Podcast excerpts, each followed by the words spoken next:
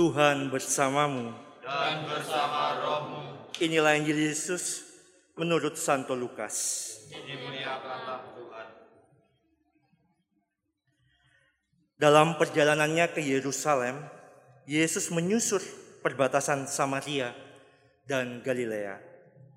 Ketika ia memasuki suatu desa, datanglah sepuluh orang kusta menemui Yesus. Mereka tinggal berdiri agak jauh dan berteriak, Yesus, Guru, kasihanilah kami. Yesus selalu memandang mereka dan berkata, Pergilah, perlihatkanlah dirimu kepada imam-imam. Sementara dalam perjalanan mereka menjadi sembuh, salah seorang dari mereka ketika melihat bahwa ia telah sembuh, kembali sambil memuliakan Allah dengan suara nyaring, lalu sujud di depan kaki Yesus dan mengucap syukur kepadanya. Orang itu adalah orang Samaria. Lalu Yesus berkata, Bukankah ke sepuluh orang tadi semuanya telah sembuh? Di manakah yang sembilan orang itu? Tidak adakah di antara mereka yang kembali untuk memuliakan Allah selain orang asing ini? Lalu Yesus berkata kepada orang itu, Berdirilah dan pergilah. Imanmu telah menyelamatkan engkau. Demikianlah sabda Tuhan. Terpujilah Kristus.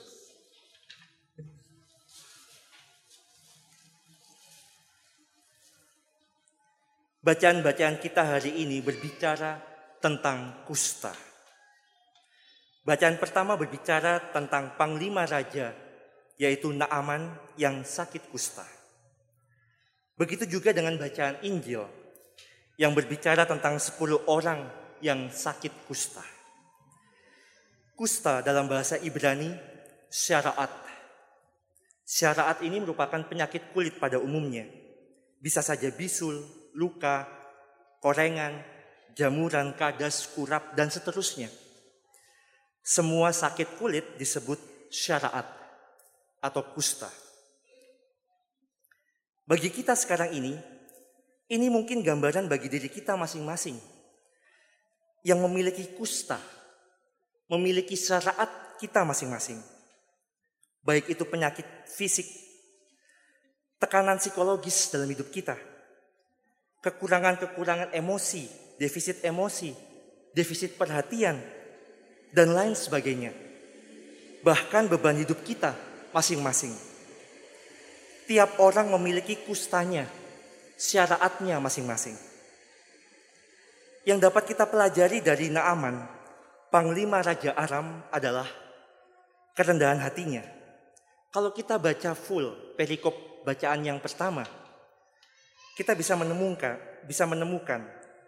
Bayangkan dia ini seorang panglima besar Raja Aram. Musuh bangsa Israel. Musuh terbesar. Musuh terbesar pada saat itu tiba-tiba mau datang ke Israel. Bayangkan kalau kita punya musuh dalam arti yang sesungguhnya. Orang-orang yang tidak kita suka. Lalu datang ke rumah kita. Bagaimana rasanya? Ini yang terjadi. Dia datang ke Israel karena nasihat seorang gadis kecil, anak kecil budak, ya budak dari istrinya yang berasal dari Israel. Budak itu mengatakan, gadis kecil itu mengatakan, mungkin kamu bisa pergi ke Israel, ada seorang nabi di sana yang akan menyembuhkanmu. Dan dia mendengarkan budak ini. Jadi bayangkan, dia seorang budak, anak kecil, perempuan dari Israel. Jadi bayangkan dia ini orang yang tersingkir, tersingkir, tersingkir, dan tersingkir. Orang-orang yang betul-betul tidak dianggap dalam masyarakat pada waktu itu. Seorang anak kecil budak, perempuan dan Israel.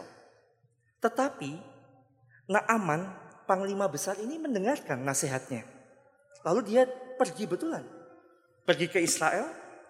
Dia datang sampai di depan pintu rumah Nabi Elisa.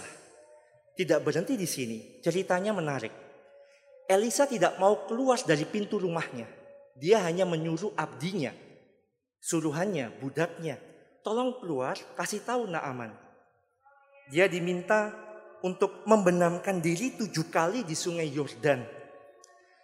Bayangkan saja ini orang datang jauh-jauh ingin ketemu Nabi, tidak ditemui oleh sang Nabi, malah pembantunya, budaknya. Dan lagi-lagi disuruh membenamkan diri di sungai. Ini aneh sekali.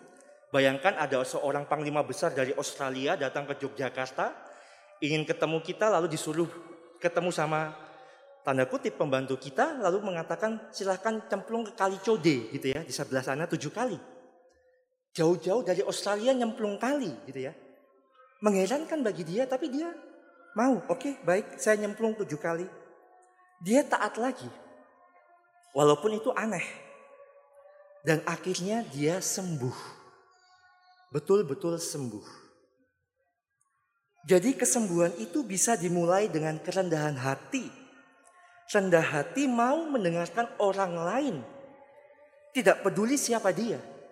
Bahkan orang-orang yang tidak kita kira sebelumnya. Selain itu kita juga membutuhkan yang kedua. Yaitu tahu terima kasih. Untuk bisa sembuh kita butuh untuk mengucapkan terima kasih dalam bacaan pertama kita lihat Naaman itu ingin memberi hadiah kepada Nabi Elisa, tetapi selalu ditolak. Saya tidak mau, saya tidak mau. Begitu pula dalam bacaan Injil, ada satu orang yang kembali, orang asing, orang Samaria. Dan dia mengucapkan terima kasih dalam arti tertentu. Dari kecil saya diajari oleh orang tua saya untuk tidak ragu-ragu mengucapkan tiga hal. Yang pertama, tolong, maaf, dan terima kasih. Mungkin bisa ditambahkan yang lain. Tapi bagi orang tua saya, tiga kata ini merupakan tiga kata yang paling dasar dalam kehidupan ini. Dengan meminta tolong, kita berusaha untuk menerima keterbatasan diri kita bahwa ternyata saya membutuhkan pertolongan orang lain. Dengan mengucapkan maaf, kita secara terbuka mengakui kesalahan dan kelemahan diri kita. Dan dengan mengucapkan terima kasih, kita secara sadar menerima setiap pertolongan, pengampunan, dan tentunya kebaikan orang lain bagi hidup kita. Lebih lanjut lagi, kalau kita lihat dari sudut pandang bahasa, kata terima kasih dalam arti ini lebih mengena bagi saya secara pribadi. Ini berarti kita mau menerima kasih dari orang lain dalam hidup kita. Dalam bahasa-bahasa lain, ucapan terima kasih ini sering kali dikaitkan dengan berkat atau rahmat. Gracias, grazie. Itu dekat dengan bahasa Latin, gratia. Atau bahkan dalam bahasa Uzbek kalau nggak salah, itu dipakai kata rahmat, betul-betul rahmat. Sebagai ungkapan terima kasih. Bagi kita, berkat atau rahmat itu merupakan ungkapan kasih dari orang-orang lain bagi diri kita. Lalu pertanyaannya di dalam Injil, ada sepuluh orang yang disembuhkan Yesus. Lalu yang kembali hanya satu orang. Yang, se yang sembilan orang tidak kembali. Bahkan yang kembali itu pun orang asing, orang Samaria. Pertanyaannya, apakah ini bercerita tentang orang yang tidak tahu terima kasih? Lalu apakah Yesus itu haus akan ucapan terima kasih? Dia butuh ucapan terima kasih kita.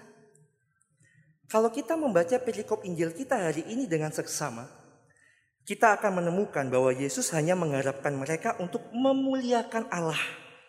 Dalam Injil dikatakan, tidak adakah di antara mereka yang kembali untuk memuliakan Allah selain orang asing ini, orang Samaria ini? Dan apa yang dilakukan oleh orang asing, orang Samaria itu? Ia melakukan lebih dari yang diharapkan oleh Yesus. Dia memuliakan Allah, dia sujud di depan kaki Yesus dan dia mengucap syukur. Hanya diminta satu, tapi dia melakukan tiga hal. Melampaui apa yang diminta oleh Yesus. Jadi bacaan Injil hari ini mengajak kita untuk keluar dari kotak-kotak, tembok-tembok, sekat-sekat, bahkan prejudis-prejudis yang kita miliki selama ini kalau pada waktu itu orang Samaria itu orang asing, orang yang tidak disukai oleh orang Israel. Mereka dianggap bangsa yang cemar, bangsa yang tidak murni. Bahkan dianggap buruk semua yang berasal dari Samaria itu buruk. Itu haram, itu kotor. Tapi lihat, Apa yang dilakukan oleh orang Samaria itu yang dianggap buruk, ternyata dia melakukan sesuatu yang melampaui dari harapan Yesus. Memuliakan, sujud, dan mengucap syukur. Walaupun tidak ditulis secara jelas bahwa orang Samaria ini mengungkapkan terima kasih kepada Yesus, namun apa yang sudah dilakukannya itu menunjukkan ungkapan terima kasih di mana ia menerima kasih Yesus dalam hidupnya. Belajar dari orang Samaria ini, kita diajarkan bahwa kekudusan, hidup suci itu bisa dimulai dengan rendah hati, belajar untuk mengucapkan terima kasih tanpa syarat dan tanpa embel-embel apa pun. Mungkin hidup kita ini tidak sempurna, penuh dengan kelemahan, penuh dengan kerapuhan, penuh dengan keberdosaan. Dengan kata lain, hidup kita ini penuh dengan syaraat. Bahkan jika kita saat ini sedang dalam kesulitan, baik itu kecil maupun besar, kita saat ini diajak untuk mengucapkan terima kasih. Di dalam hati kita yang terdalam, bahwa ternyata kasih Tuhan itu nyata sampai detik ini, sampai detik ini. Lalu kita bisa bertanya, apa buktinya Romo? Kalau kasih Tuhan itu nyata sampai sekarang. Anda semua, dengan segala pergulatan hidup Anda masing-masing, Anda masih menyempatkan waktu untuk duduk di sini, hadir di tempat ini, untuk berdoa bersama, untuk bersyukur bersama, untuk berterima kasih bersama. Karena ternyata Tuhan Yesus tidak pernah meninggalkan kita sedetik pun, bahkan dalam masa-masa tersulit dalam hidup kita.